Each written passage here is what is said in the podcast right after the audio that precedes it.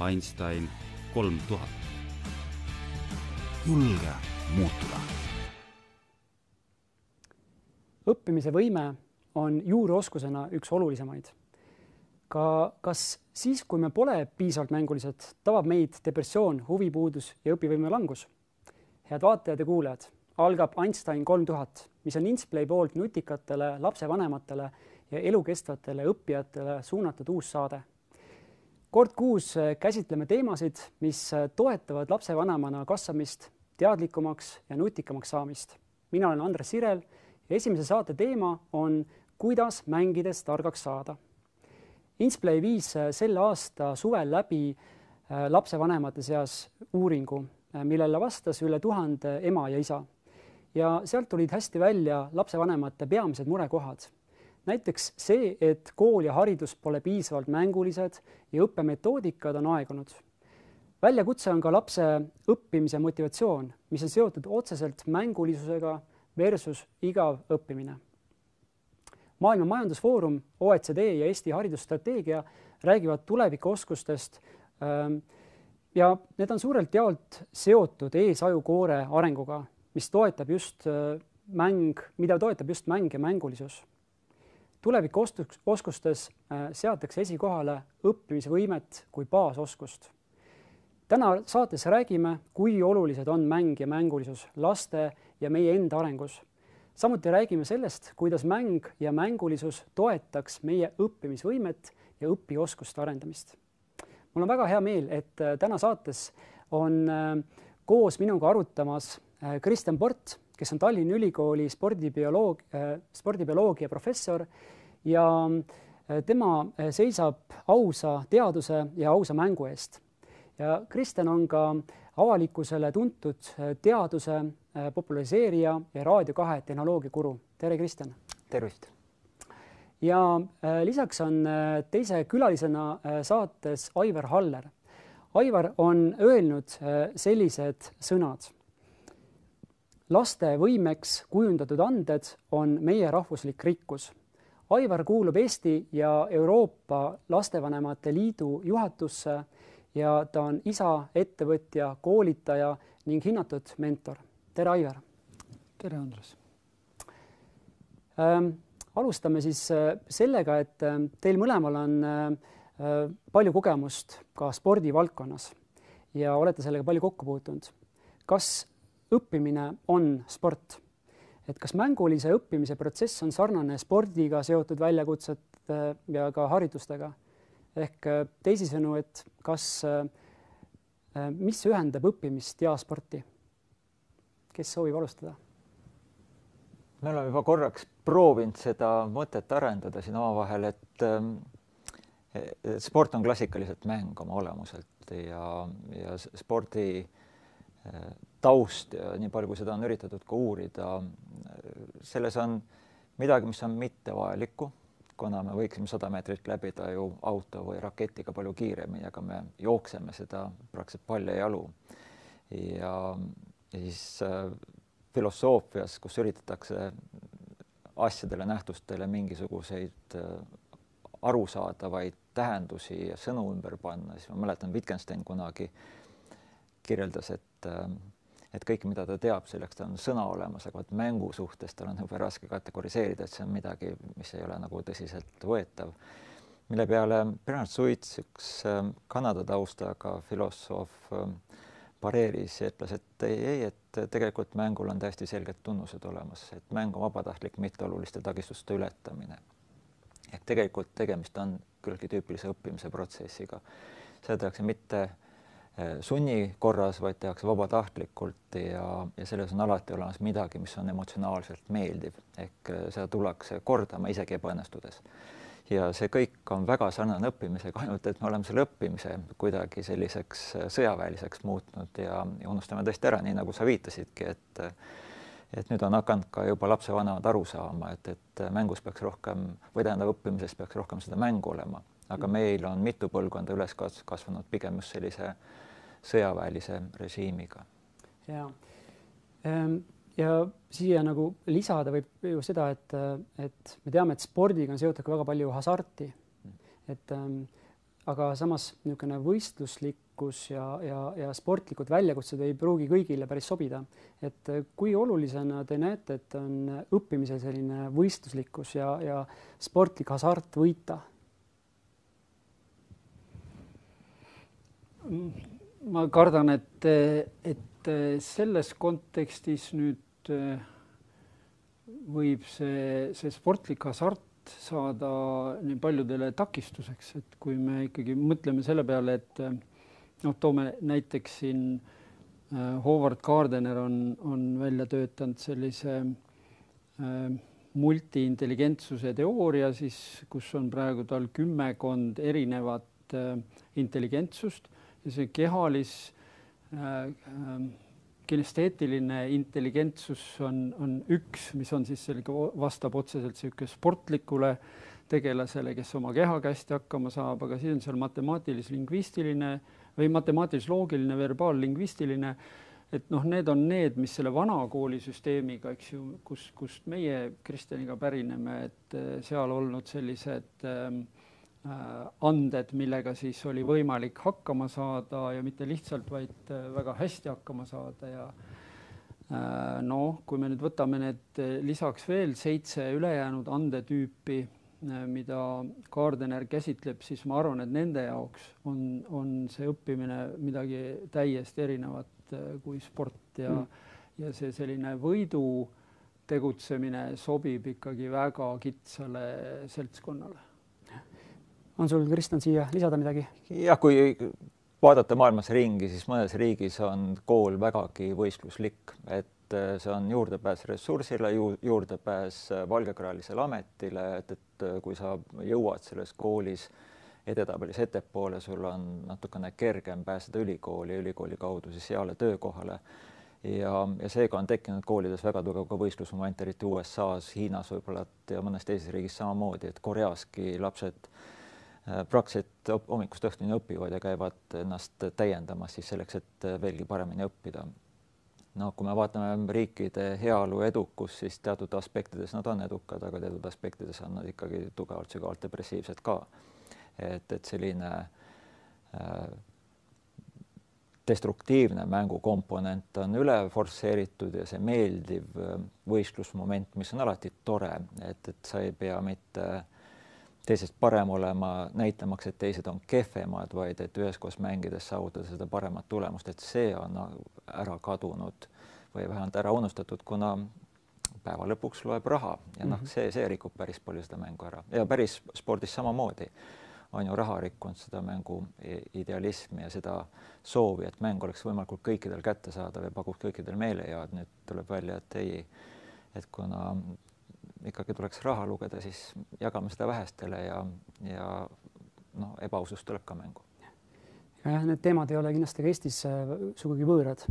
et äh, kui, kui rääkida äh, mängulisest õppimisest ja ka meie aju näiteks preemiasüsteemist, et kui palju seal on sport ja õppimine seotud ajukeemias päris palju on isegi uuringuid, mis näitavad, et äh, alghariduses, kui lastel on rohkem võimalust kehaliselt aktiivseid mänge omada, siis nad on koolis edukamad. et keha valitsedes mäletan ühte ka sellist äh, head näidet, kus äh, võrreldakse, et kui palju koormab näiteks kesknärvisüsteemi, peamiselt kesknärvisüsteemi siis aju erinevaid keskuseid korvpallis, kui sa viskad äh, vastase tegutsemisega, isegi kui sa seisad ühe koha peal ja üritad selle palli korvi visata. see on matemaatiliselt väga keeruline, et, et aga me ei arvuta seda niimoodi, et okei okay,, et, et nüüd mul on nii raske pall, korv on seal kolm meetrit viis sentimeetrit kõrgel, et läbimõõt on natuke pallist suurem, pallimass on selline ja ma üritan siis sellise, selle koha pealt sellise trajektooriga ta sisse visata. see tehakse automaatselt, kusjuures vastane üritab sind takistada ja sina teed seda liikumise pealt ja kui me vaatame, siis kui palju selline tegevus kaasab äh, nii seda keha valitsemist kui ka selle keskkonna jälgimist kui ka äh, sellist äh, emotsionaalset taktikalist äh, ruumi tajumist, siis see ületab igasugust ütleme sellist joonistamist ja matemaatikat ja abstraktset mõtlemist, seda koormust. ja sellest tulenevalt, et kui me, kui me suudame rohkem mängida ja keha valitseda, sellest on kasu ka ülejäänud tegevuste omandamisele ja siin hiljem tuleb kindlasti jutuks, aga ma juba toon selle näite praegu, et et on ka ilusti demonstreeritud, et kui, kui lapsed kooli või tunni vaheajal mängivad ja tulevad tundi, siis nende keskendumisvõime ja arusaamisvõime on parem, ehk nende keskendumise ja, ja, ja tajumise mehhanism on just tänu mängule niivõrd palju erksamaks muudetud, et sellest on õppimisel kasu. aga selge see, et koolisüsteemile, kus tahetakse, et üks õpetaja peab paljusid kantseldama, tahetakse, et pigem, et olge vaiksed ja rahulikud. et siin hakkab juba tekkima see vastuolu. et, ähm, et rääkides sellest aju poolest veel, et siis, et uuringute järgi on äh, eesajukoore äh, areng seotud ka mängulisusega, et kuidas, kuidas te näete seda, et, et, et mängulisus toetab aju arengut, et siis eri, eri nii-öelda vanuses? Siin on jällegi, aju areneb seal kuskil kahekümnenda, kahekümne viienda eluaastani, see prefrontaalne korteks, kus on meie see executive function või sellise otsustamisprotsessid, planeerimised, täiskasvanuks olemine, et see saab päris hilja küpseks, aga selle teel on, on selline pikk protsess, kuhu vahepeal me teame, et on murdeiga et kus ootamatult mitte ainult see, et, et et ma olen siin vaikselt oma kookonis ja, ja, ja ümbritseva maailma eest hoolitsevad keegi teine, siis sa järsku hakkad ennast märkama ennast teistega, sa näed ennast läbi teiste, sa hakkad äh, jõudu juurde saama, sul hakkavad emotsionaalselt tänu hormonaalregulatsioonile need suured muutused toimuvad, sellel hetkel on hästi oluline selline enesevalitsemine, pidurdamine, koostöö, emotsioonide vallalaskmine, emotsioonide pidurdamine ja siin on mängul hästi äh, selline mitte peale tungiv ja suruv ja ka piirav efekt, aga ta on kordav ja, ja kuidagi nähtamatu efekt, aga kui, kui me üritaksime näiteks lapsevanemana seda sama, sama, sama saavutada, siis me ütleksime direktiive ja käsiksime ja sunniksime, et, et need mängus juhtub kõik palju meeldivamalt ja keegi murdeealistest ei protesteeri mängu vastu, küll aga protesteerib vanemate äh, diktaadi või õpetajate ja koolisüsteemi vastu, nii et, et selles arengus on vaieldamatult äh, seos olemas äh,. et ja, ja ma tõesti ei piiraks seda ainult ajuga, aga jah, üks aju on üks hea koht, kuhu fokusseerida. ja väga hea, et ähm, et ma usun, et tuleme selle juurde veel nende selle, selle nii-öelda äh, arengava, arendava toime juurde tagasi, et aga lähme korra siit äh, veel isiklikuks, et äh, et Albert Einstein on öelnud, et äh, mäng on teaduse kõrgem vorm ja, ja Aivar, sinult on pärit selline ütlus, et, äh, et unistamine ja mängimine ei lõppe vanaks jäämise tõttu, et vastupidi, me jääme vanaks, kuna me lõpetame unistamise ja mängu. et, äh, et Aivar ja Kristjan, et millest teie olete viimati unistanud? no ma pean nüüd täpsustama, et, et et see ei ole nüüd otseselt minu niisugune äh, avastus, et äh, ma olen seda kunagi kuulnud kusagilt. see võib olla jah, täiesti vabalt George Bernard Shaw. Ja, ja, ja, ja see oli sedavõrd väärt ütlus, et, et ma olen seda ise ka kasutama hakanud ja, ja nüüd eriti, kus ma ise olen jõudnud siis kuuekümnendasse eluaastasse, siis ma tunnen seda et see mängulisus on, on, ma olen selle uuesti üles leidnud.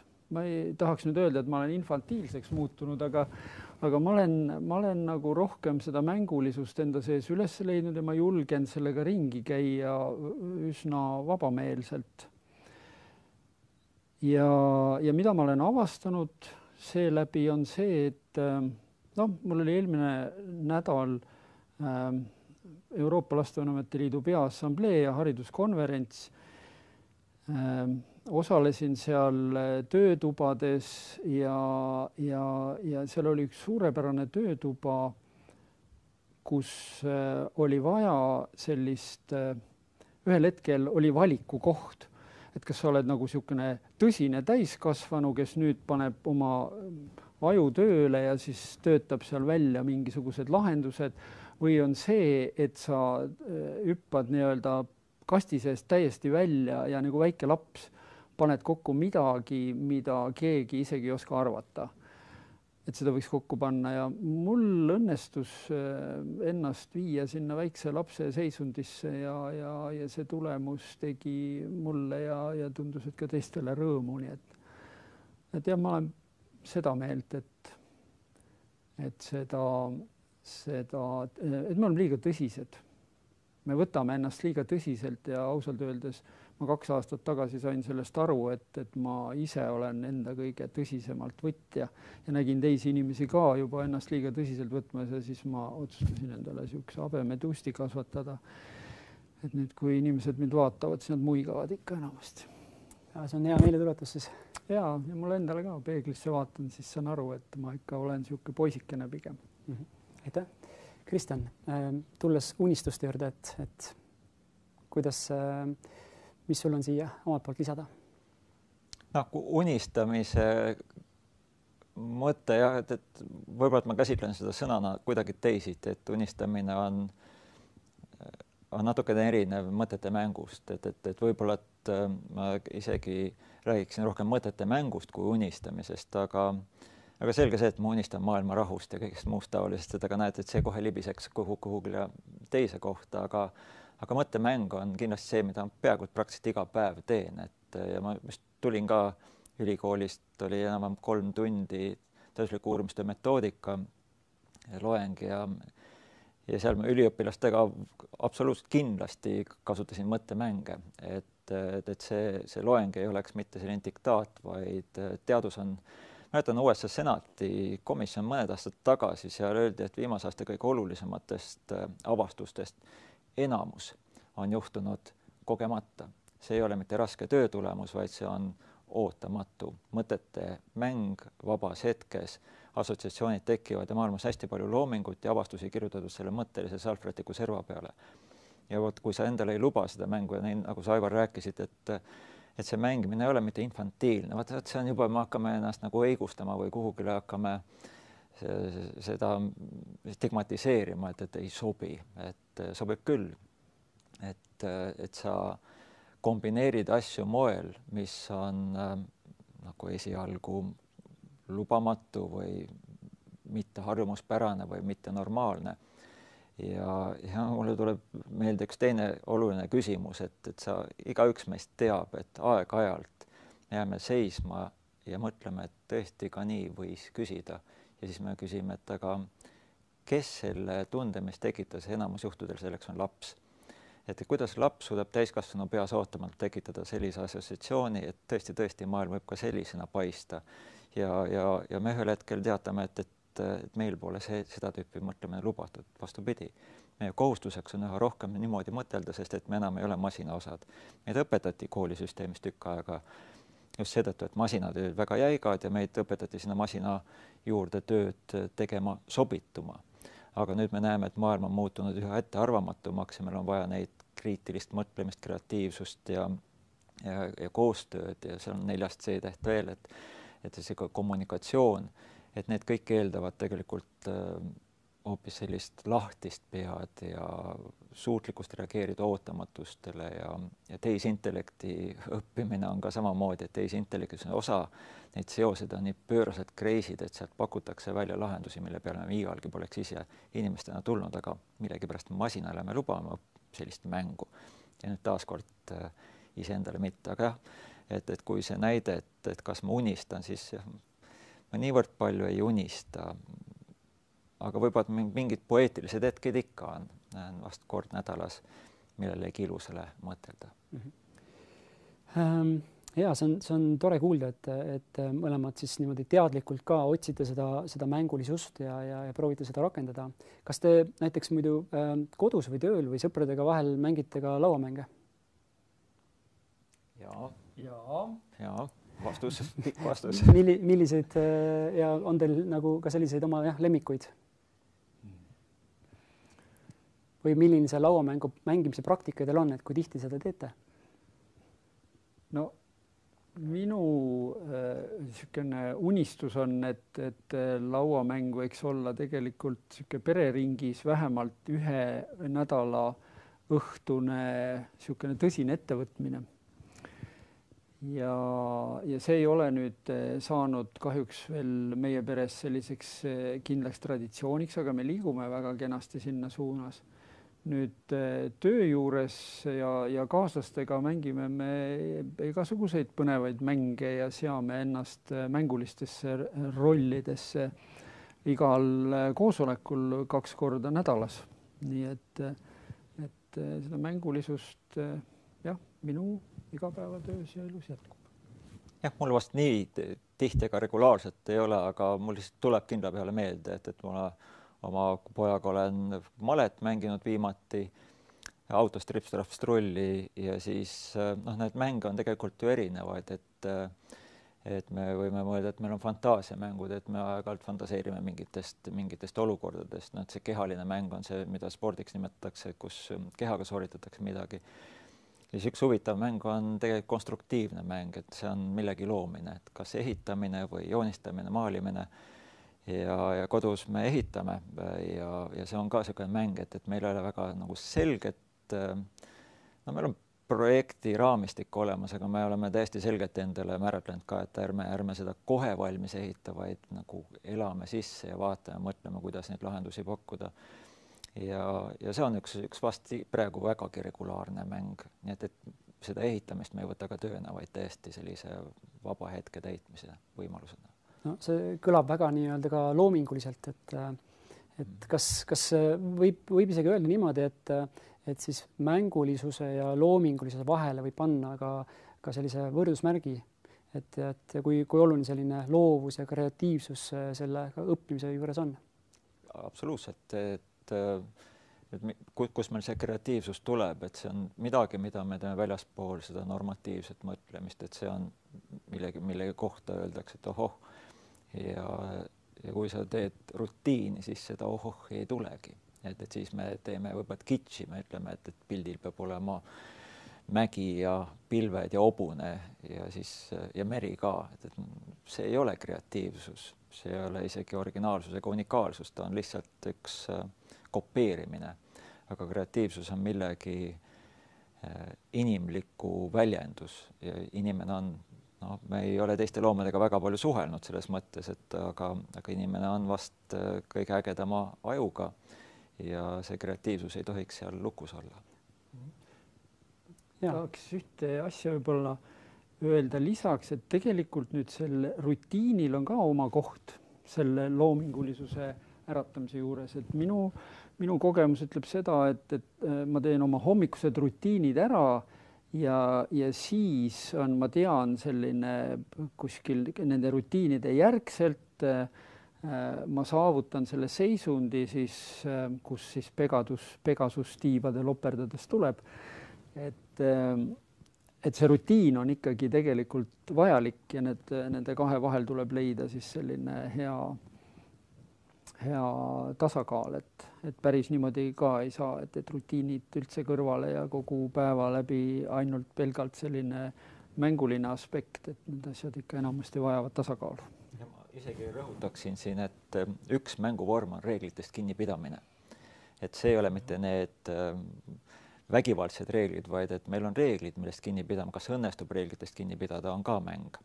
Ja, ja et, et selles suhtes me ei tohiks seda mängu lihtsalt käsitleda, et see on midagi, mis on täiesti selline vabameelne piiramatu tegevus, vaid vastupidi, et, et mängus toob jah, kuulda, mängus toob selle hüve just kaasa see, et, et selles on vabatahtlik takistuste ületamine, aga neid takistusi kaitstakse reeglitega. et nendest reeglitest peetakse kinni. Mhm.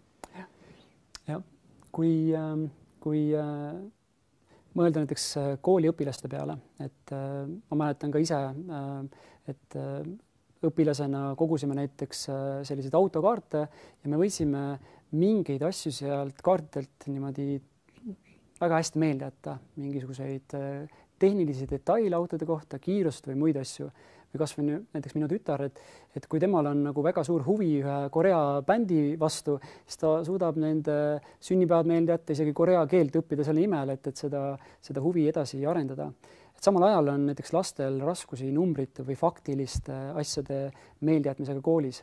et kui suur on äh, teie meelest huvi, roll õppimisel ja kuidas seda saaks laste puhul rohkem toetada? Mulle tundub, et vot siin tuleks mängu tuua ilmselt just see erinevad intelligentsuse tüübid. Eesti keeles võib ka andetüüp öelda isegi selle kohta, mulle tundub, Gardener ei pahandaks ilmselt. ja sest kui see anne võimalikult vara tuvastada, siis selle kaudu on võimalik luua lapsele edukogemus. vot see edukogemuse kaudu tekib huvi, sest ta soovib seda tunnet uuesti ja, ja, ja vot nüüd, kui me, kui me suudaksime need anded üles leida, luua selle isikliku usaldusliku suhte äh, ise oma lapsega ja, ja luua koolis võimalused, et õpetajal see isiklik usalduslik suhe tekiks siis äh, iga tema lapsega, siis ma usun, et huvi oleks garanteeritud.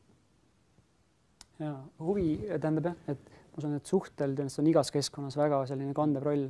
Kristjan, on sul lisada veel? ja noh, ka on teada, et äh, mälu töötab meil läbi emotsioonide, need on kaht tüüpi, on meeldivad emotsioonid, ebameeldivad, et hirmsad sündmused jäävad meelde ja meeldivad sündmused. Ja need, kui me võtame seda mängu, mul on üks endine sõber, kelle, kes oli natukene ärevus, ärevil seetõttu, et tema laps teadis hirmus palju NBA korvpalluritest, aga kooliasjadest suurt midagi ei teadnud, et kas tal on midagi viga, aga siis hakkad mõtlema, et ei, ei, et, et tal on huvi.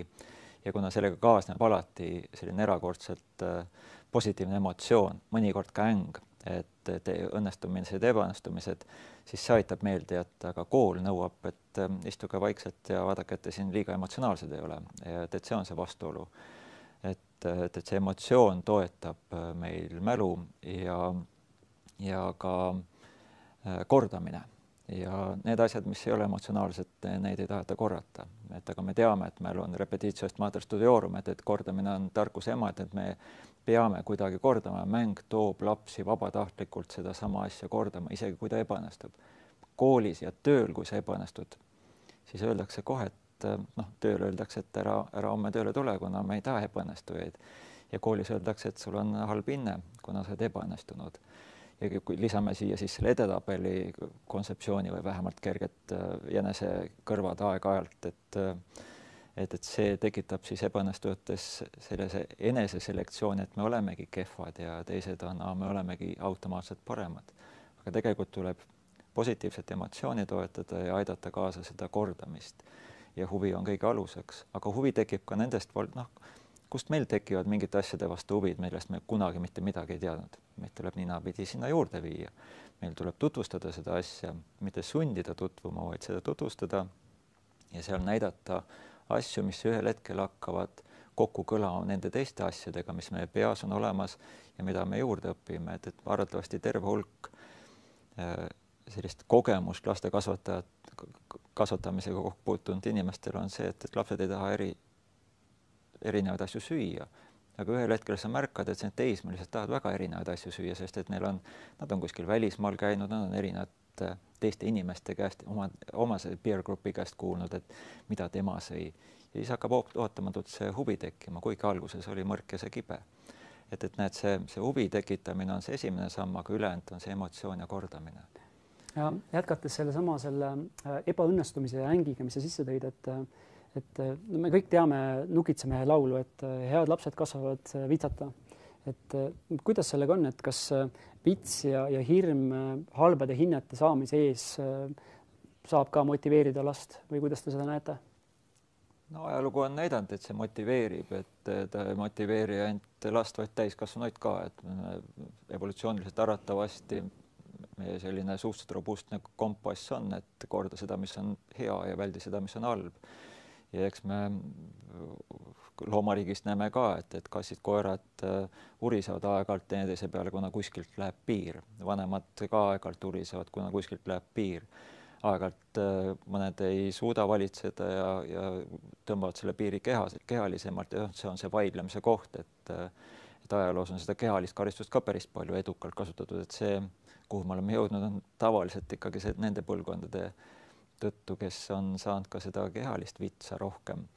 aga aga jah, me ju areneme ja me saame aru, et on efektiivsemaid viise, et, et me peaksime osadest vanadest harjumustest jagu saama ja ja tõesti, selles suhtes on õigus, et et ilma selle kehalise karistuseta või vähemalt selles mõttes kehalise karistuse, et sa saad tahtlikult haiget teed, sa võid kehaliseks karistuseks määrata kas või koristamise. mõned ütlevad, et see on nagu surma, surmaotsus, et peab tuba koristama, et äh, mul pojal oli ka kunagi, tuli koolist koju, ütles, et mina tuba ei korista, kuna mul on siis lastekaitse telefoninumber käe peale joonistatud. et, et temale tundus see vägivallatsemisena.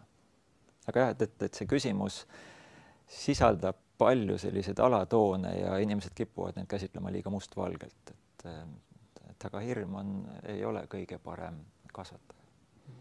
Ma eristaksin ka need kaks ära, et on stiimul ehk väliline, väline siis äh, suskija, see tuleneb äh, kreekakeelsest sõnast stimulus, eks ju, mis oli see ora, millega, mis torgati naha alla muulal. ja siis on motiiv, motiiv on ikkagi nagu sisemine ja see motiiv on see, mis, mis kannab. stiimul ja väline, kõik selline on ikkagi lõppkokkuvõttes tekitab protesti ja, ja tõrksuse kui seda nüüd me sooviksime vältida, sellist protesti ja tõrksust, et ja rohkem seda huvi tekitada, et kuidas te näete, et on, on lood praegu mängulisusega meie tänases haridussüsteemis ja, ja koolis, et ja milline koht võiks olla mängulisel lähenemisel seal? noh, selleks, et, et mänguliselt läheneda, äh, peaks olema õpetajal aega ja, ja peaks olema äh, võimekust, ütleme nii, et kui klassis on, on õpetajale jõukohane arv lapsi, et ta suudab kõigiga isikliku usaldusliku suhte saavutada, siis ma arvan, et see mängulisus on lihtne tulema. kui õpetajal on vaja meeleheitlikult pingutada, et üldse hoida nagu klassi ühtsena ja järje peal ja ta ei suuda seda edukogemust väga pakkuda kõigile, siis, siis ta kaldub lõpuks sinna õppekava andmise, hariduse andmise rappa ja, ja sealt ma väga kahtlen, kas, kas seda mängulisust, palju seal seda mängulisust enam alles saab olla või saab üldse tekkida. ma olen nõus selle osaga, et õpetajal peab olema ressurssi aega ja teine on arvatavasti isikuomadustest ka, et äh, on ka neid õpetajaid, kes sellise suure auditooriumi ees endiselt suudavad nalja teha ja isegi matemaatika muuta mänguliseks, et äh, ja Bronxi üli, Bronxi gümnaasiumist New Yorgi üks kahekümne, USA kahekümnest vaesemast omavalitsusest on pärit seitse Nobeli preemia laureaati, see on vaesest linnaosast ja nad tulid mõni aasta tagasi kokku ja tõdesid, et, et huvitav, et miks, et neid ei huvitanud füüsikaga, matemaatikaga, õpetaja tegi ühel hetkel selle meeldivaks. Neil hakkas tekkima see huvi väljaspool kooli, et ainult koolis ei suudeta õppida, vaid selleks pead tegelema vabatahtlikult muul ajal, et see muutus mänguks. et, et, et me unustame ära, et, et mäng ei ole ainult see, et, et kus väike laps seal omaette autoga pott-pott-pott teeb põrandal, vaid see mäng on midagi suuremat, see on niisugune kordamine see on äh, kasvav väljakutse, see on reeglitest kinnipidamine, see on ebaõnnestumiste üleelamine ja, ja soov kogu aeg seda uuesti saavutada, et siin on see vabatahtlik takistuste ületamine. Ja sellega kaasneb enamus juhtudel positiivne emotsioon, mida kontrastib see ebaõnnestumise kurbus ja raev, et, et äh, ega, ega sport äh, niisama rahva hulgas populaarne ei ole, et meil on seda ängi vaja, siis on see rõõm eriti tugev ja väga põnev, et, et kohe sellega jätkame, et aga nüüd vahelduseks paneme sisse vähe teise käigu ja läheme vahepalasse. ja, ja seekord on meil siis külaliseks Merle-Liisu Lindmaa, kes töötab Eesti ja Norra Microsofti arenduskeskuses strateegilise personalipartnerina. ja Merlega vestlus oli väga põnev, võiks öelda, et tema iga sõna oli justkui puhas kuld. et me jätkame seal siis jällegi mängulisusest, äh, räägime loovusest ja kuidas Microsofti kui tööandja vaatekohast äh, seda siis näha. räägime tulevikuoskustest ja paremaks lapsevanemaks äh, saamisest. alustame. vahepala.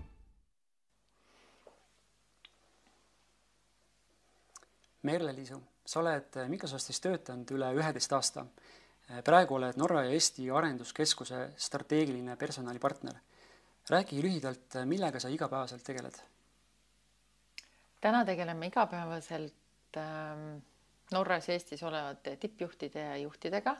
minu tegevus on suunatud tänasest homsesse ja minu tööd kirjeldab äh, kolm märksõna, milliseid inimesed, talendid meil on tulevikus vaja, milline on tänane ja homne tuleviku organisatsiooni andmete analüüs ja selle pealt vaatame, mida ja kus on meil vaja teha. ja kolmas on juhtimine ehk leadership, et äh, millises kultuuriruumis, väärtusruumis me elame ja mida on vaja teha selleks, et see kultuuri ja väärtusruum oleks teistsugune, juhul kui on vaja seda muuta. kui oluline on värbamisel tööandjale kandideerija mängulisus ja huumorimeel ja loovus. et kuidas seda üldse kandideerimise protsessis hinnata? Microsoftis on äh, päris põhjalik äh, värbamisprotsess. esiteks me vaatame, milline on roll ja siis me hakkame siin otsima inimesi ehk talente.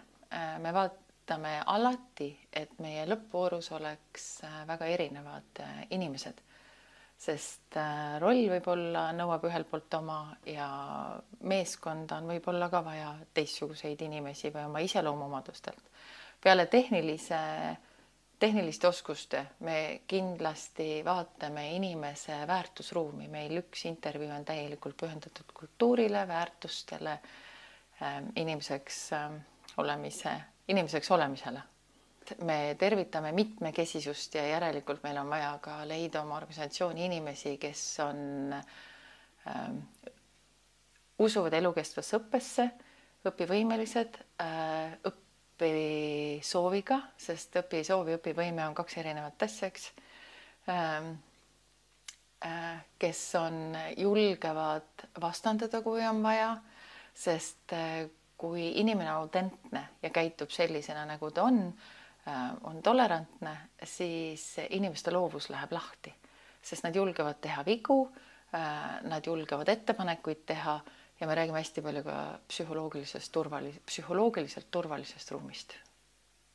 Äh, Microsoft jätab vahel nii-öelda niisuguse tõsise mulje ja asise mulje, et kuidas asjad siis tegelikult on, et kas, kas ja kui tihti saab fun'i ka? et kas nalja saab? jaa, saab küll, iga päev saab nalja et noh, võimalus on valida, kas sa naerad enda üle või naerad kellegi teise üle. Ähm, me räägime, ma usun, et see nali sõltub üsna palju ka sellest, et äh, kui turvaliselt ennast inimesed tunnevad. Ähm, on olemas selline teooria nagu covering või nagu, et teooria väidab et, et kuuskümmend protsenti täiskasvanud inimestest tuleb tööle mingi äh, kellegi teisena Eh, kas see on siis tema peast tulenev eeldus või see on siis sellest organisatsiooni väärtusruumist tulenev eeldus, et eeldatakse, et ma pean käituma nii selleks, et olla siin edukas. mida me teeme, me julgustame kõiki tulema ikka iseendana tööle ja oleme sellised, nagu nad on. selle tagajärjel vabaneb suur hulk energiat, mis läheb loovusesse, mis tähendab see, et ideed on paremad me saame ehitada teiste ideedele, teised saavad ehitada meie ideedele, see lõpptulemus tuleb oluliselt parem, kui on äh, hea äh,, hea selline üksteist julgustav ja üksteisele küsimusi esitav atmosfäär toas ja otse loomulikult siis saab nalja ka palju rohkem. ja nali on oluline. mis sa ise näed, et on sellised väga olulised oskused, mida me võiksime kaasa anda tänastele lastele, noortele? lisaks nagu akadeemiliselt õpitule mm.. on väärtuskasvatus eh, või inimeseks kasvamise lugu. Ähm, meeskonna tööoskus, üksteisega arvestamise oskus, kriitiline mõtlemine. Ähm, et kas esitatud andmed on õiged või kui seal on loogikavead või kuidas neid tõlgetada, analüüsioskus kindlasti, äh, kommunikatsioon, täpne ja sirge enese mõtete väljendamine ja teadmine, et ei ole õigeid ja valesid vastuseid. ma arvan, et need on nagu need äh, olulised asjad, mida me peame andma lastele kaasa kodust ja ise ka õppima neid. kas sa näed, et praegune selline haridussüsteem äh, toetab seda sellist ka nii-öelda mõttelaadi, et, et ta keskendub nendele väärtustele? Äh, mis ma võin öelda, et läbi aegade on see väga erinev olnud ja erinevates koolides on see väga erinev. Ja siiski on ta õpetajapõhine, kui palju ta julgustab lapsi tulema diskussioonile. et ma olen näinud seda, kus äh, lilla lumememm on malet värvi äh, ja võib-olla sellest ei saa head hinnet. Ähm, kuigi kümme protsenti inimesi maakeral näeb värve hoopis teistmoodi kui üheksakümmend protsenti, et lilla lumememm eksisteerib küll ja see on siiski nagu õpetajapõhine, et kui palju ta nagu võtab last ähm,, julgustab lapsi ähm, avaldama oma arvamust ja ei ütle, mis on õige, mis on vale.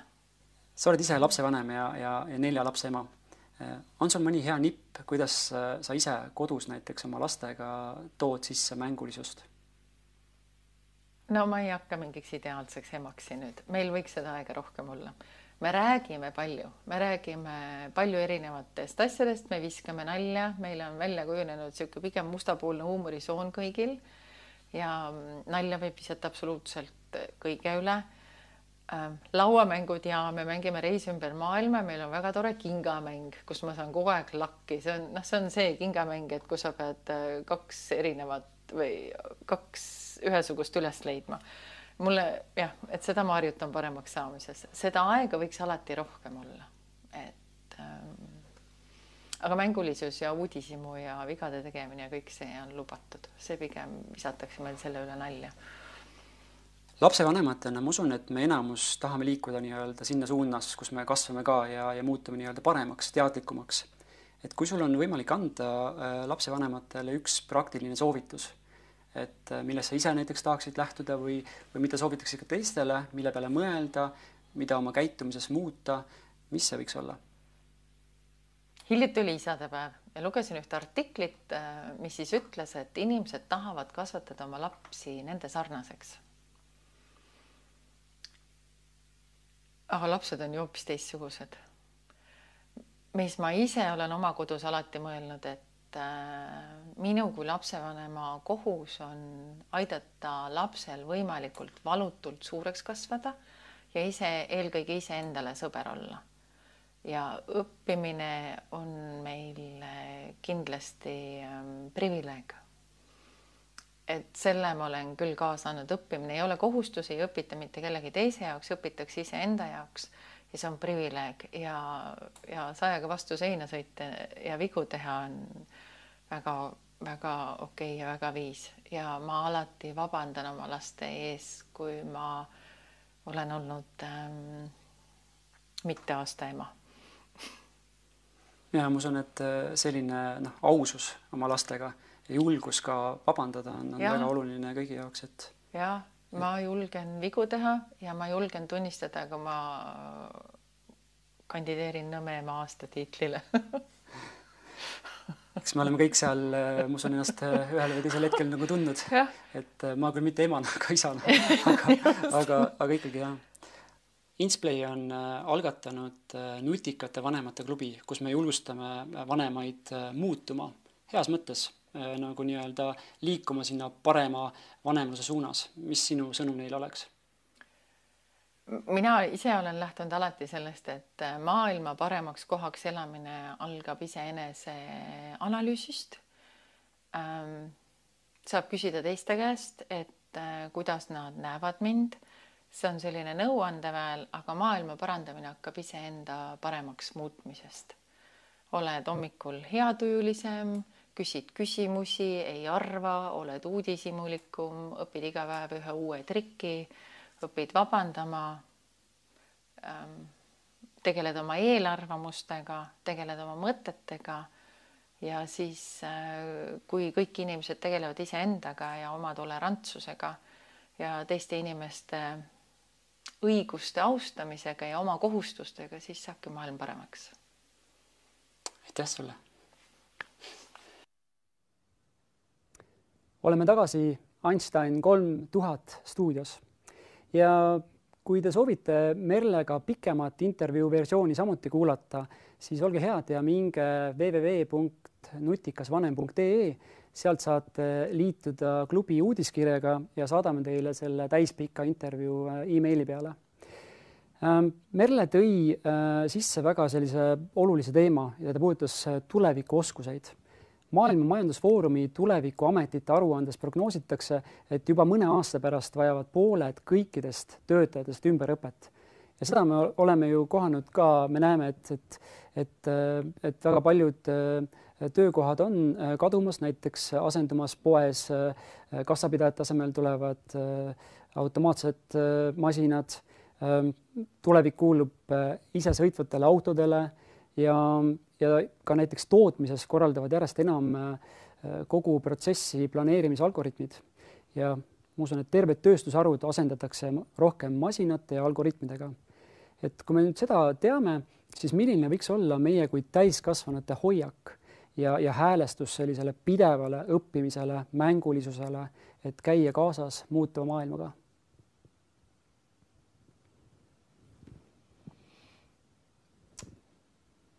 Jaa, ma nüüd äh tooksin siia kõrvale siis eh, nendest OECD ehk maailma võimsam majandusorganisatsioon, eks ju, teeb, eh, kes viib läbi PISA teste, et nemad teevad ka väga ägedaid prognoose ja ja, ja täna muuseas Merle-Liisu Lindmaa esines täna ka ühel teisel konverentsil ja see oli, see oli siis OSKA ehk tulevikuoskuste konverents ja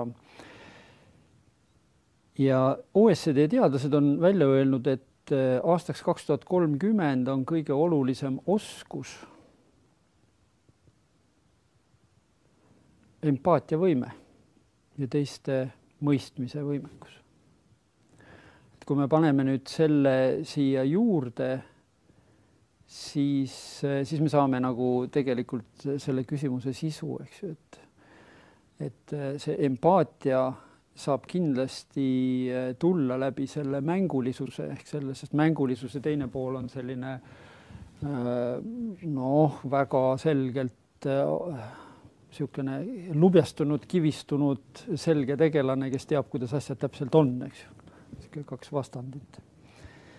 Ja, ja kui me soovime, et seda läbi selle mängulisuse siis tekiks ka see, see empaatia mis minul pole kahtlust, et see kaks tuhat kolmkümmend mängib kõige olulisemat rolli, sest me täna vaatame maailmas toimuvat, siis me saame aru, et see, see mitmekesisus, nii kultuuriline äh, mitmekesisus kui ka kõik muud mitmekesisused äh, viivad meid järjest rohkem äh, kaugele teineteisest eemale ja, ja tõmbavad neid jõujooni kuskile sinna vahele aga selleks, et, et me saaksime olla empaatilisemad, siis me vajame sedasama mängulisust, meil peaks olema julgust minna oma vana kest maha panna ja, ja minna sinna mängulisse keskkonda ja, ja, ja saada rohkem aru sellest teistest kultuuridest ja teistmoodi mõtlevatest inimestest. ja väga hea. Kristjan, kas sa näed, et, et ka mängulisus looks äh, inimesele võrreldes algoritmide ja masinatega eelise? jah, selles mõttes, et ma juba seda empaatia konstrukt-, konstrukti arendaksin isegi edasi, et kui me vaatame, et mis on praegu tehnoloogilise arengu eesmärk, siis see on inimese vabastamine tööst ja ta ei ole mitte seesama, mis toimus automatiseerimise ajal, kus meilt võeti ära seda ebameeldivat ja rasket tööd, vaid nüüd asendatakse inimest, kui tehisintellektist rääkida, siis me tahame intellekti asendada. Ja siis tekib küsimus, aga what about us, et mis siis meist saab? Ja, ja tegelikult me avastame, et on teised inimesed olemas, et seni on olnud, et töö on elukese ja, ja elu jaoks on vaja seadmeid. Ja kuna minu töö on raske, siis ma pean seda üha rohkem automatiseerima, et see on, see väärtusahel on hoopis teises kohas olnud. ja me unustame selle inim, inimliku kontakti ära ja seda võib tõesti pidada üheks selliseks suureks tehnoloogilise põlvkonna puuduseks, et me tegelikult teist inimest ei mõista. Ja nüüd, kui me vabastame ennast tööst, siis meil hakkab tekkima seda vaba aega ja siis me küsime, et äh, ma mäletan ühte sellist toredat võrdlust, et ähm, kui meil mitte midagi teha ei ole, see on enam-vähem, kui sul on Ferrari ja sa tohid ainult esimese käiguga sõita, et, et see eriti kaugele ei lähe, sa lähed väga närvi selle peale, et et me peaksime oma seda aju äh, saama kasutada kõigi seitsme-kaheksa käiguga. Ja, ja see tähendab inimestevahelist suhtlemist, teisest inimesest arusaamist ja meil, meid ootab kindlasti ees selline raske aeg, kus äh, osa inimesi jäävad tööst vabaks, me näeme, et tehnoloogia vabastab äh, seda keskklassi kõige rohkem, tõesti kaotab keskklassi ära, et see, kes on, kes on rikkad olnud, nende käes olev vara lihtsalt muutub väärtuslikumaks, nad ei pea mitte midagi tegema ja keskklass kukub sellesse madalamasse kategooriasse, kuna nende tööd saab kõige paremini või efektiivsemalt automatiseerida, sest et mida kauem ja Äh, inimene õpib, seda rohkem ta tahab palka saada ja seda rohkem on ta motiveeritud või masinaarendaja on motiveeritud just seda tööd arend-, asendama. koristusmasina arendamise töö on väga kallis, aga see töö, mida tehakse, mida asendatakse, on väga odav. järelikult me, meil see löök saab olema keskklassi pihta. Ja nüüd see keskklass, kui ta kukub sellisesse madalamasse kategooriasse, väga vähesed liiguvad ülespoole, tehisintellekti arendajad praegu liiguvad natuke ülespoole, sissetulek suur. aga, aga tulemuseks on see, et me igal juhul vabastame ennast tööst ja me hakkame üha rohkem, me näeme, et ees ootab kriis ja osa tööturu analüüse viitavad, et kõige kiiremini kasvav lähiajal kasvav äh, tööhõive väljakutse ei ole mitte IT-arendajad, kes sisust automatiseerivad ka iseennast tööst vabaks, vaid on inimesekesksed teenused. Need on heaolu, tervis, mäng, õpetamine, pikaealisusega seotud erinevad väljakutsed. ja seal on tõesti vaja seda empaatiavõimet ja, ja mis siis inimesed teevad omavahel nad mängivad, et meie suhtlus on suuresti mängulise iseloomuga, et, et, et see ei ole see geenide signaliseerimise, et, et kellel on kõige suuremad ja vägevamad, vaid see on midagi loomingulisemat, see on midagi, mida me oleme seni maha surunud, et, et vaata, et poet nagu peab alati vaene ja tühja kõhuga olema, aga vaata insener saab paksu, paksu leiva ja või sinna peale, aga meil on tulemas aeg kus just see inimlik loomingulisus, teineteisega suhtlemine ja mul tuleb meelde Hans Moravek, mis on robootika üks isakujudest, ütleski, et et pea, peagi on tulemas ähm, põlvkond, ähm, kus äh, peamiseks tegevuseks on ühe inimese tegevus teise inimese meelelahutamisel. Ja me näemegi, kuidas meediasse siirdub üha rohkem teatrit ja muusikat selliste tõsiste jutusaadete ja inseneri ja, ja kõige muu asemel ja mäluturniirid ja kõik need on ju mängud, et, et selles suhtes see mängu roll, empaatia ja ja loomingulisuse ja selle järgmise inimeseks olemise faasi ettevalmistuseks on ääretult tähtis. et ja mida me ähm, ka nägime sellesamas äh, lastevanemate uuringus, mis sai läbi viidud, et äh, et äh, et kui me teame, et maailm kogu aeg muutub ja, ja lapsevanemad peavad väga oluliseks seda, et, et, et lapsed oskaksid selle käigus ka vigu teha ja selle, sellest siis õppida, et, et nad ei kaotaks enesekindlust, vaid prooviksid siis uuesti. Et, et samas me kõik oleme seda, ma usun, nagu ise kogenud, et, et vahel tekib selline tunne, et mina niimoodi mängida ei taha, et aetakse mingi mängulaud ümber või, või muul moel, et kuidas te näete seda, et, et kuidas mäng äh, ka siis õpetab meid äh, kaotama, võitma ja seda, seda stressi, millest me rääkisime, et seda äh, alandama? mängus on reeglid ja mängus on partnerid ja seda peetakse ka üheks mängu suureks hüveks, et ta õpetab koostööd tegema, teistega arvestama, reeglitest kinni pidama, millest on kasu ülejäänud elus. et, et, et selles mõttes ei ole siin üldse midagi nagu vaja avastada et, et, et mäng äh, on niivõrd äh, rikka sisuga ja me kipume seda lihtsalt äh, unustama, käsitlema endiselt nagu lapseliku nähtusena. mul ei ole siia midagi lisada, see oli väga hea kokkuvõte, reeglid. mäng kannab endas alati reegleid ja, ja need on need, mis meievahelised suhted kenasti paika loksutavad ja seda empaatiat aitavad meil kogeda. Kusjuures müstiline on just see, et nendest reeglitest hoitakse kinni vabatahtlikult, meil ei ole politseid selle jaoks vaja ega antidopingut, vaid mm. need reeglid kaitsevad seda hüvet, et me saame teistega koos mängida, nii kui keegi reegleid rikub, see mäng muutub ebameeldivaks. No selleks, et, et siis teistega hästi koos mängida, et Merle Liisu tõi ennem sisse sellise äh, äh, nagu teema nagu turvalise ruumi loomine mis aitabki olla rohkem vabad, loomingulised ja kus huumoril on oma selline roll. et kuidas te seda näete, et, et lapsevanemad saaksid nii kodus või tööl äh, toetada sellise vabama ruumi loomist? et kui nad loobuvad selliseks helikoptervanemaks olemisest, et, et me peame mõtlema selle turvalisuse all natukene teisi asju kui see turvalisus, et laps ei tohi haiget saada mulle meeldib, et Jeff Bezos praegu võib-olla kõige popim inimene ei ole, et, et ta on liiga rikkaks saanud, aga Jeff Bezoselt on, on selline ütlus, et ma eelistaksin, kui mu lapsel oleks üheksa sõrme, mitte see, et ta ei oska mitte midagi teha. Et, et see, et ebaõnnestud äh, ja, ja Merle ütles ka, et, et see ebaõnnestumise tolereerimine ja väikesed lapsed ebaõnnestuvad, aga need ebaõnnestumised on väikesed. Nende maailmas on need suured, aga, aga suures mastaabis on need ikkagi väikesed ja nende kukkumine, nad on kõige tugevam populatsiooni, ütleme demograafiline kiht, et piltlikult öeldes viska vastu asfaldit, tõuseb püsti, viska kolmekümne aastane inimene vastu asfaldit ja enam püsti ei tõuse. Et nad tegelikult taluvad väga palju seda väikest viga ja häda ja, ja kärnaspõlvi. ja see õpetab kõige rohkem seda täiskasvanu puhul vältima ja taluma teatud kannatusi, et, et ega midagi head ei loo ilma kerge kannatuseta ja kui, kui meil seda vastupidavust ei ole, siis, siis meil ei ole ka sellist küpset ja mitmekülgset täiskasvanut. ja lapsepõlv on igav, kui sul ebaõnnestumisi ei ole. Ma ütleks siia lisaks juurde, et valuta elu ei tule ilma valuta, ta on võimalik, aga ta ei tule ilma valuta.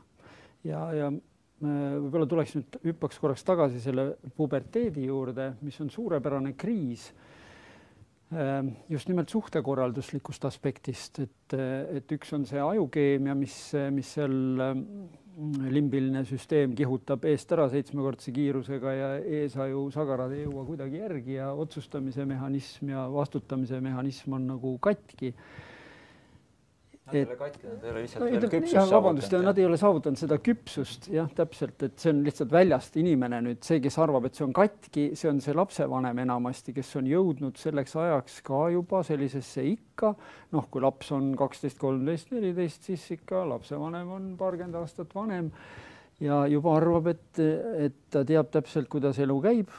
Ja vot nüüd on see looja selline äh, väga hea eksperiment või siis niisugune humoorikas vahepala on see, et et kui nüüd see lapsevanem suudab oma selle lubjakihi maha raputada ja, ja ennast pisutki seda mängulisust ja seda, seda last enda seest üles leida, siis tegelikult see puberteet on võimalik päris kiiresti läbida et mul endal isiklik kogemus oma kolme lapsega ja, ja olen ka siis olnud aastate jooksul abiks teistele lapsevanematele, et siis võib öelda, et eh, seal on üks ravim ja seda me nimetame seda tingimusteta armastuseks.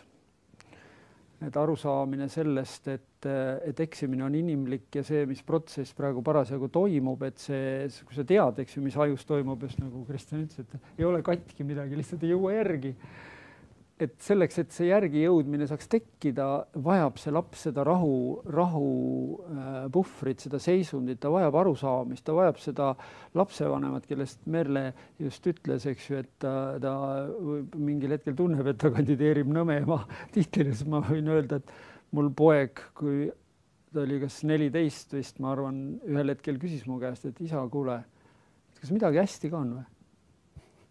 et ma kuulen ainult vingumist ja ma ehmatasin ära, sest ma tegelikult ise mõtlesin, et noh, ma aitan tal nagu kogu aeg paremaks saada.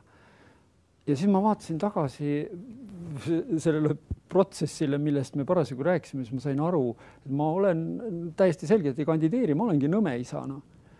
ja siis ma korraga tekkis selline arusaamine enda peas, läksin oma lapsepõlve tagasi, mõtlesin, kui mina olin neliteist, millest ma unistasin.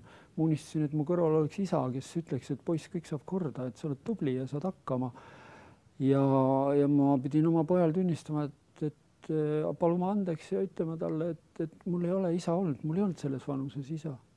ja ma ei tea, kuidas hea isa käitub. ma õpin praegu koos sinuga.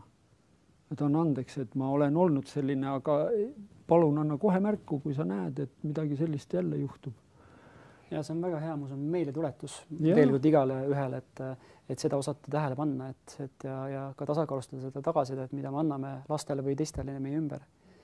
et ähm, kui, kui siit veel küsida seda, et, et me rääkisime enne vigade tegemisest, et et kui noh, sellega vahel võib, võib olla ka lapsevanemate hirm näiteks, et selline, et eksimus äh, ei tooks kaasa nii-öelda psüühilisi äh, selliseid tagajärgi, et mis teil seal on selline soovitus, et Kristjan enne mainis, et et tegelikult lapsed on väga paindlikud, aga on teil siia veel lisada?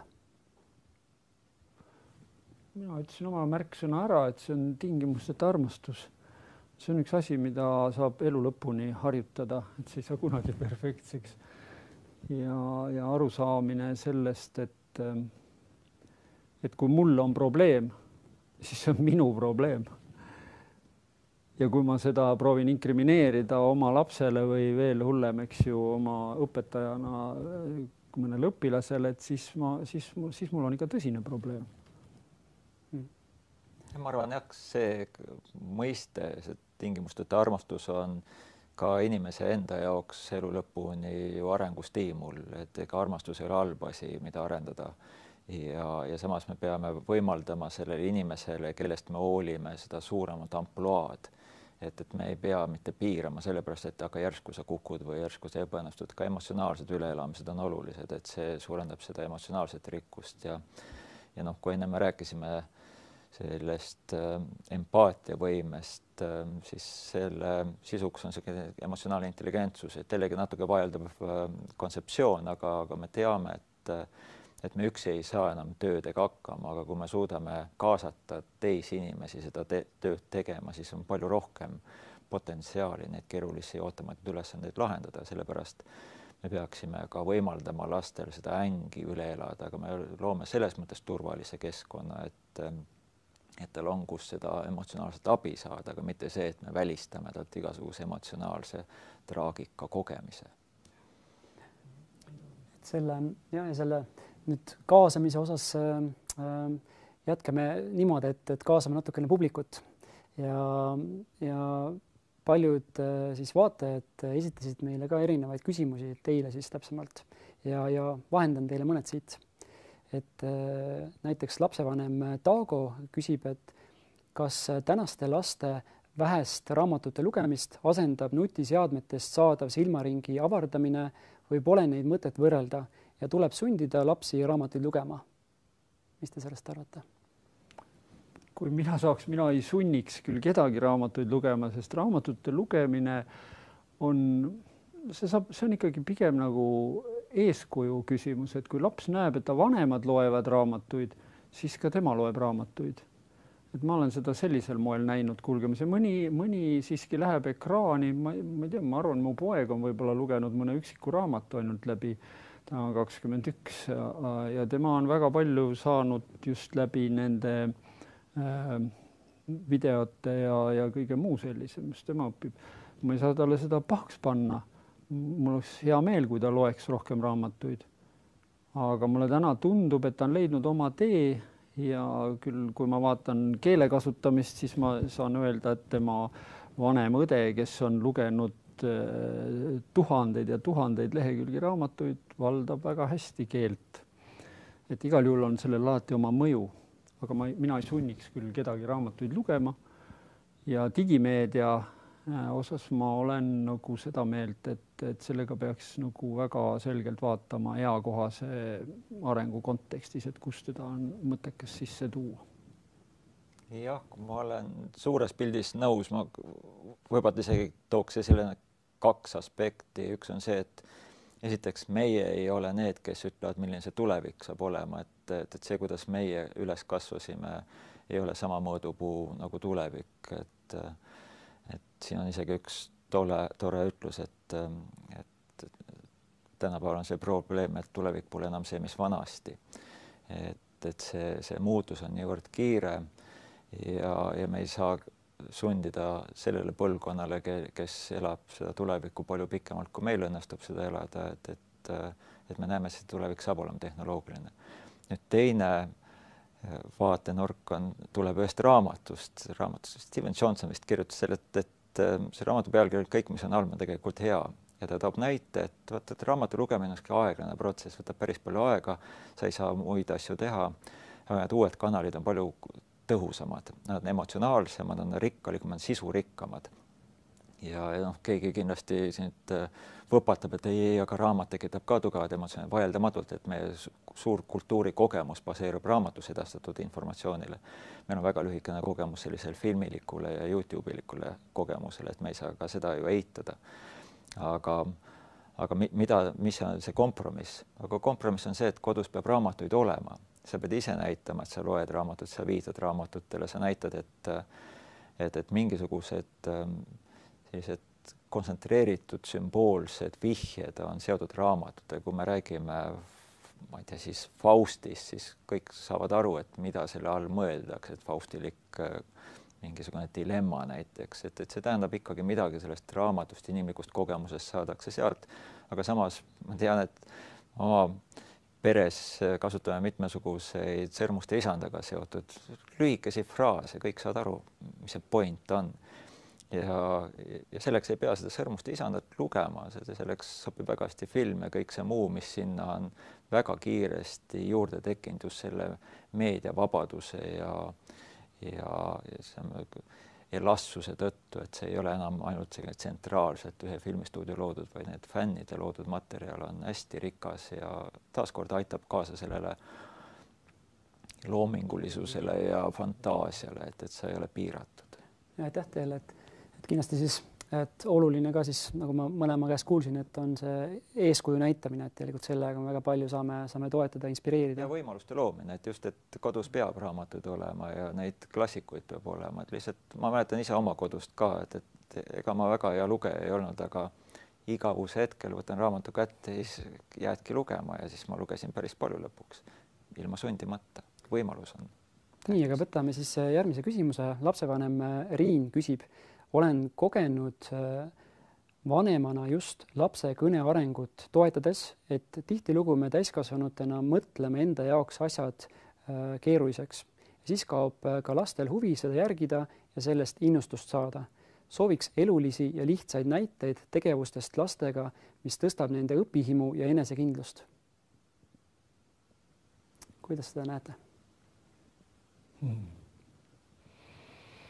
Lastevanemate seltsis on terve raamaturiiul täis nõuandeid kindlasti. oo jaa, meil neid äh, raamatute puudust meil ei ole, aga siin on praegu küsimus, äh, tahetakse saada väga head niisugust äh, näidet, noh, ma, ma toon ühe sellise kats-, katsetuse, et et mingisugusel hetkel, kui ma sain aru, et, et vanema tütrel tuba on nagu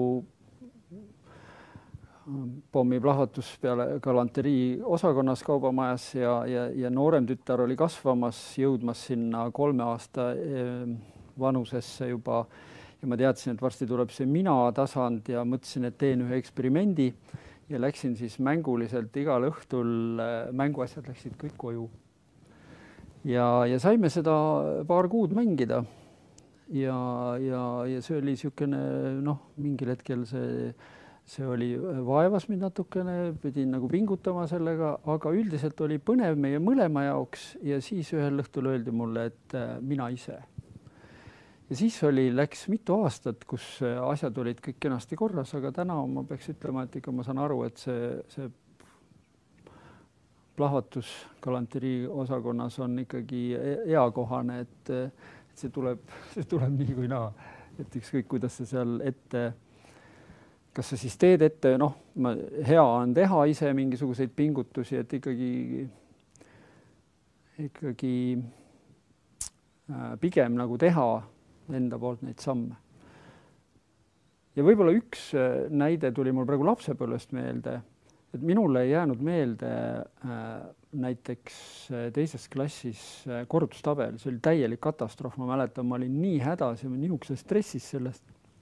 ja siis tuli äh, ühel õhtul külla ema sõbranna tädi Malle, kes mängis korvpalli ja tuli, ma kuulsin, kuidas ta patsutades mööda kor-, koridori tuli neile neljandale korrusele. ja siis ühel hetkel tuli tuppa ja minu juurde ütles, et kuule, Aivar, et sul ei, kordustabel ei jää meelde või? ja ütles, et kuule, võta pall, näed. ja siis ma võtsin palli ja ütlesin, et põrgata. õppisin nagu põrgatama seda palli ja siis hakkas ta mulle ette lugema ja lasime, et ma kordaksin järgi, eks ju. kaks korda kaks on neli, kolm korda kaks ja nii edasi.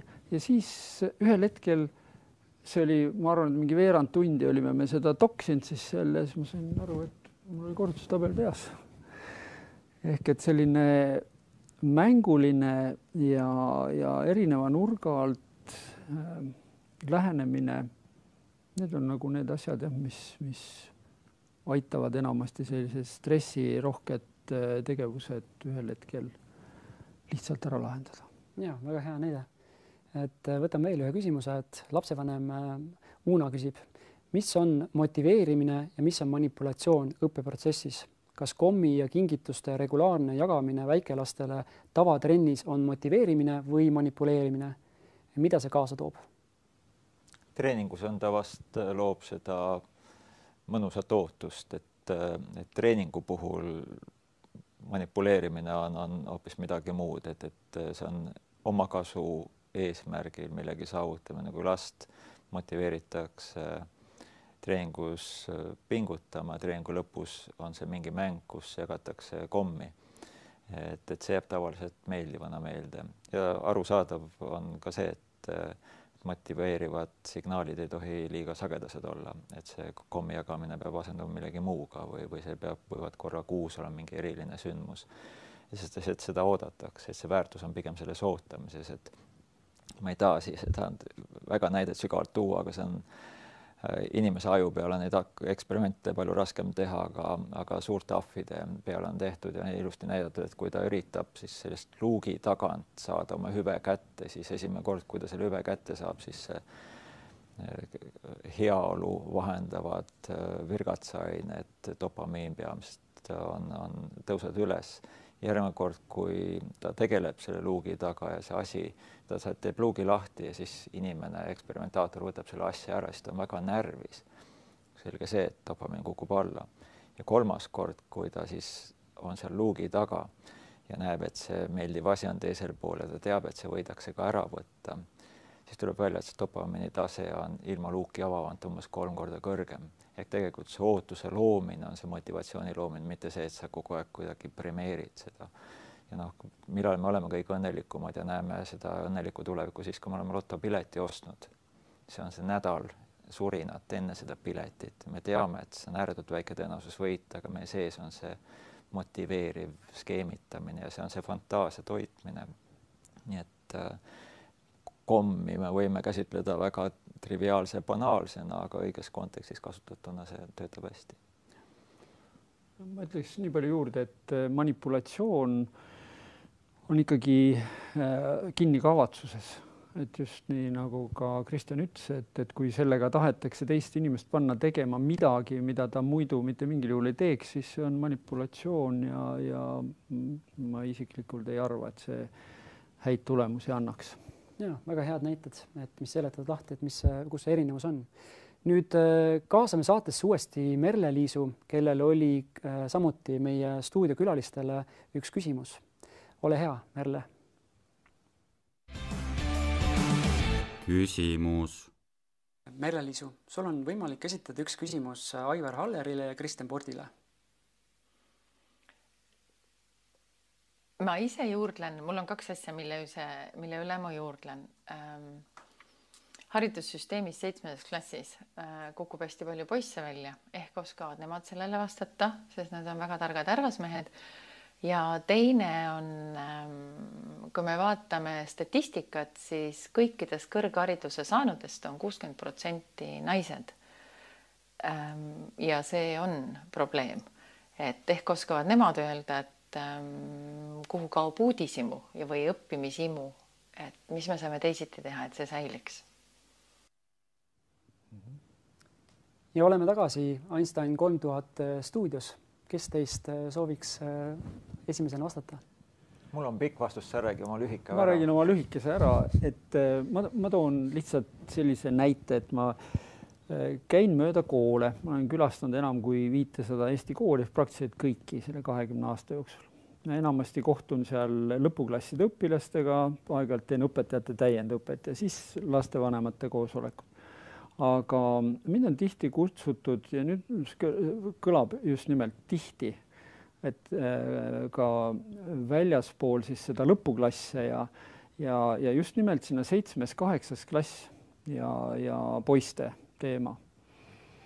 ja, ja ausalt öeldes nagu juba, e-, kui esimest korda kutsuti ühte Tallinna kooli, siis, siis ma sain, siis kohtusin, poisid tegid hirmsaid asju seal. ja, ja, ja tegime, võtsime poolteist tundi, arutasime nende poistega, kaks paralleelklassi olid koos ja, ja need olid täiesti normpoisid. ja, ja mul, mul ei olnud nagu äh, noh, ma sain aru, et nad vajavad lihtsalt täiskasvanut, kes kehtestaks ennast, kes oleks autoriteet ja autoriteetne ja kehtestaks ennast. mitte autoritaarne, eks ju, vaid autoriteetne. ja, ja ma ütlesin selle klassi juhatajale, kes siis mind kutsus, ütlesin, et tead, et äh, ole hea, et sul on vaja nendega lihtsalt rohkem koos olla ja sul on vaja neile piire seada. Nad peavad tajuma, et sa oled äh, nagu kindel endas. Ja see klassijuhataja hakkas nutma, ütles, et tead, ma ei anna neile isegi mitte, ma ei ole aineõpetaja, eks ma, ma, ma saan kokku nende poistega kakskümmend viis minutit nädalas, üks tund, eks ju, kakskümmend minutit läheb tüdrukutele. ja ma lihtsalt ei saa, ma ei suuda, eks ju ja vot seal, seal ma sain aru, et me oleme tegelikult väga-väga keerulises olukorras sellesama puberteedi kontekstis. Ja, ja see kool oli, oli vapper, leidis, jõuti sinnamaani, kus sisuliselt kõik need poisid said endale personaalse täiskasvanud mentori. Ja, ja me oleme hiljem teistes koolides samamoodi seda proovinud lahendada seda olukorda, aga ma tulen, eks ju, selle jutuga tagasi ikkagi sinna, et küsimus on isiklikus personaalses suhtes ja võimes siis olla õpetajal autoriteetne ja omada piisavalt aega nende suhete kujunemise protsessi suunamisel. aga nüüd kuulame selle teadusliku poole ka ära. jah, sa osaliselt isegi täitsid selle minu mõttevoo ära nende sama autoriteedi äh, teemaga. et ega poisid ei ole tüdrukutest halvemad, aga kui me vaatame üks mitmele õpetamissüsteem, nagu ta on üles ehitatud, üks kahekümne neljale, siis õpetaja ju optimeerib, et ta paratamatult ja tüdrukud on empaatiavõimelised, nad saavad aru ja nende kogu kultuuris olevad vihjed on ütelnud ka, et et, et teie kuulake rohkem nagu jälgige, mida õpetaja tahab ja, ja, ja õpetaja otsib neid, kes siis jälgivad ja õpetaja hindab neid paremini ja see on niisugune positiivne tagasiside, see hakkab tööle.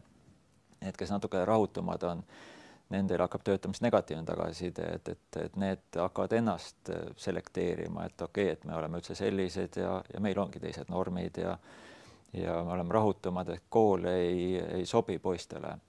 Ja, ja see pikem äh, vastus tegelikult oleks, et võite igaüks internetist otsida, et iga saja tüdruku kohta ja on see for every one hundred girls on selline statistika, seal enam-vähem lasteaeda siis siseneb enam-vähem sada-sada ja kuidas koolis hakkab järsku see protsess muutuma, et iga tunnist välja heidetud saja tüdruku kohta heidetakse seal välja sada viiskümmend poissi, iga karistatud ja, ja kooli poole jätnud saja tüdruku kohta umbes kolmsada viiskümmend poissi, et, et see, see number kogu aeg kasvab kuni osa poisse kaovad ära, need on õnnetused ja traagilised sündmused. Nad on teistsuguse aktiivsusega, nad on rahutumad ja ja mäletan, mul endal koolis oli päris palju probleeme, mitte sellepärast, et ma oleksin olnud olemuslikult halb, aga, aga peaaegu et iseloomustati kui kurjategijat, et mul õnnestusid mingite aktiivsuste tulemusel kooli aknaid puruks teha, noh, kooli, viskad kotti näiteks ja lendab, aga, aga seda käsitleti mingil hetkel hoopis kurja, kuritegeliku aktiivsusena ja ja, ja mingid teised asjad ka, et me pinginaabriga käisime muukisime, meile tõesti meeldis, see oli ääretult huvitav äh, uksi lahti muukida, me teadsime, et, et muugitakse, meil oli, Megree oli seal natukene eeskujuks, kuidas saab selliseid äh, detektiivilugudest vihjeid võtta ja ega seda käsitletakse ka kuritegelikuna, aga tegelikult poiste jaoks on see hoopis rikas sündmuste rohke maailm, aga mis ei mahu selle kooli raamidesse, kuna sa ei tohi liiga rahutu olla. väga hea, see, ma usun, et selgitab väga hästi seda, et tegelikult, mis on seal nagu erinevus poiste ja tüdrukute vahel, et sellele lihtsalt osata tähelepanu pöörata.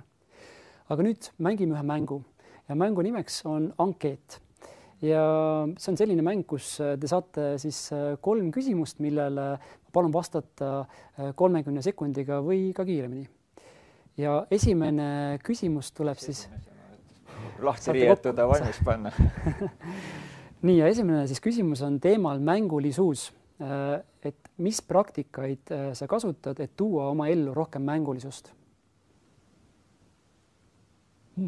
Mina täiesti panengi ennast naturaalselt kehva olukorda tihtilugu tõusen püsti, ajan käe püsti, märkan ennast kätt püsti ajamas mingisugusel konverentsil või mingisugusel arutelul ja siis, eh, kui ma püsti tõusen, siis ma sees tunnen, mõtlen, et issand jumal, miks ma seda tegin praegu.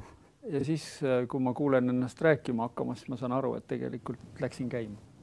ja ma olen osaliselt nõus, et äh, et ka siia saatesse tulek on tegelikult oleks võinud ju vältida, et, et selliste väljakutsete vastuvõtmine, mille peale ise ei tule, et need pakuvad sulle neid äh, sündmuseid ellu rohkem ja see on tegelikult see sotsiaalne mäng. et see ei ole mitte soov saatesse tulla, vaid et äh, soov proovile panna ja vaadata, et mis siis juhtub. aitäh. teine küsimus on nüüd elukestva õppe teemal. mida sa viimati õppisid enda täiendamiseks too mõni hea nipp, kuidas sa õppisid hmm.?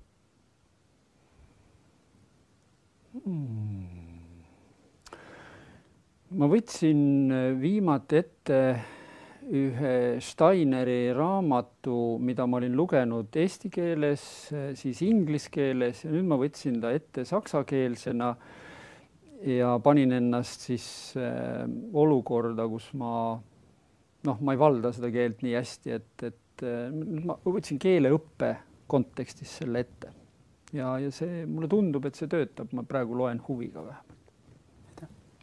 Ja mul suhteliselt regulaarselt vaatan Mind Your Decisions on ka Youtube'i kanal, kus on erinevaid matemaatika ülesandeid, mitte et ma oleks mingi matemaatika, aga aga need huvitavad ülesanded erinevatest maailma kantidest ja, ja üritan siis enne kui ülesanne välja kuulutatakse, üritan ise selle kallal natuke pusida ja ja, ja lõpuks lahendatakse see ära ja ma näen, et enamus juhtidel ma seda ära ei lahenda, vaid õpin sellest lahendamisest ja see tekitab mingi heaolutunde. aitäh paneme hiljem selle lingi siis saate kommentaaride alla ka, et teised, teised materjalid ka, mis on läbi käinud. ja, ja kolmas siis teema on elutarkus. Eh, mis on üks asi, mida eh, sa tänasest saatest soovitad nutikatele lapsevanematele kaasa võtta?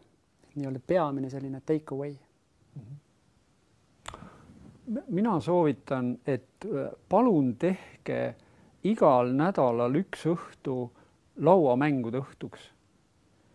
Tehke endale selline õhtu, kus te panete kõik telefonid ja ekraanid kõrvale, istute ümber laua ja, ja ma soovin teile siiralt õnne, kui te suudate seda ja siis soovitan, et proovige seda aega järjest suurendada ja, ja, ja viia ka teistesse päevadesse just nimelt ekraanivaba aega ja oma keskel suhtlemiseks mul tuleb sama mõte, aga see käis mul varem peast läbi, see on üks päriselu näide, kus ja selle lauamängu mängimiseks on vaja see üks samm ära teha. selleks on minna ja, ja tõmmata korgid välja. see oli üks ema, kes tänu sellisele loodusõnnetusele elekter neil läks ära ja ta lõpuks, kui elekter tuli tagasi, siis Kanadas, siis ta läks ja hakkas neid korke tagasi panema, ütles, et ei pane kõigepealt oli kaks-kolm päeva oli poeg, oli väga tusane, ei saanud mängida tütar läks naabrite juurde, kuna naabritel oli elekter olemas. aga lõpus kuskil neljandal-viiendal päeval nad kõik tegid üheskoos samal ajal süüa, vestlesid üheskoos, poeg, poeg müüs maha oma Playstationi ja ostis endale saksofoni. ehk nad avastasid teineteist ja seda, maailmat ja kõige väiksem ainult vaatas ja imetles seda pimeduses ja küünlavalguses, mis kõik toimub ja aga, aga noh, vaevalt et nüüd tänasel päeval vanemad nii tugevad saavad olla, et nad julgevad selle sammu ette võtta, aga teine on see, et, et lase lastel ebaõnnestuda, et ära põe seda. aitäh ähm,. Saime täna väga palju niisuguseid praktilisi soovitusi ja nippe ja asju, mida, mida kõrva taha panna. Ja seda, et näiteks, et mängulisus toetab selgelt õppimist ja tulevikuoskuste omandamist ja targaks saamist. Et juba mõne aasta pärast on vaja meil kõigil sellisest, senisest rohkem oskusid, mis on seotud just selle eesajukoore arenguga, mängulisuse ja, ja mänguga. Ähm, ja mänguline muidugi saab olla juba, juba täna, et ma usun, me saime neid häid soovitusi, kuidas alustada, et soovitusi leiate veel Nutika Vanema klubi äh, ajaveebist, seal on meil mitu artiklit, mis toovad ka praktilised soovitused täna kuuldule lisaks, mida siis äh, rakendada ja mõned äh, ettepanekud veel, et kuidas te saate siin äh, klubis äh, võimalikult rohkem väärtust. Et üks on see, et, et soovitan liituda Nutika Vanema klubi mailing listiga, sinna me saadame siis uute saadete infot ja teisi soovitusi, mis lapsevanemaid toetavad ja näiteks ka Merle pikema intervjuu. Soovitan liituda Facebooki grupiga, sest seal toimub samuti arutelu, soovitan ja julgustan teid astuma oma mugavustsoonist välja sinna postitama midagi, mis äh, teid ennast inspireeris ja võiks olla teistele põnev äh, enda arengu toetamiseks. Ja, ja viimaks äh, mul on hea meel jagada, et, et juba uus Einstein kolm tuhat saade on tulekul, see toimub üheksandal detsembril ja teemaks on, kes kasvatab sinu last. ja selle saate peakülalisteks on ajakiri Ema peatoimetaja Merle Liivak ja endine Gustav Adolfi gümnaasiumi ning praegune Kohtla-Järve riigigümnaasiumi direktor Hendrik Agur. nii et äh, saate juba äh, minna nutikasvanem.ee ja ennast kirja panna. Nüüd teate siis, kus teisi nutikaid lapsevanemaid leida, nii et kohtumiseni nendes klubikanalites. ja veel ennem kui me lõpetame, siis ongi hea küsida, et, et igalt ühelt, kes täna vaatas ja kuulas, mida sina täna siit õppisid? mis oli sinu jaoks kõige väärtuslikum, ole hea, pane see kirja selle saate kommentaaridesse ja, ja jaga enda arvamust. võid meile alati ka kirjutada äh, meiliaadressil hei at nutikasvanem.ee. suur tänu külalistele ja aitäh kõigile vaatajatele-kuulajatele, nii et püsige mängulised ja kui midagi muud üle ei jää, siis äh, korgid välja. aitäh teile!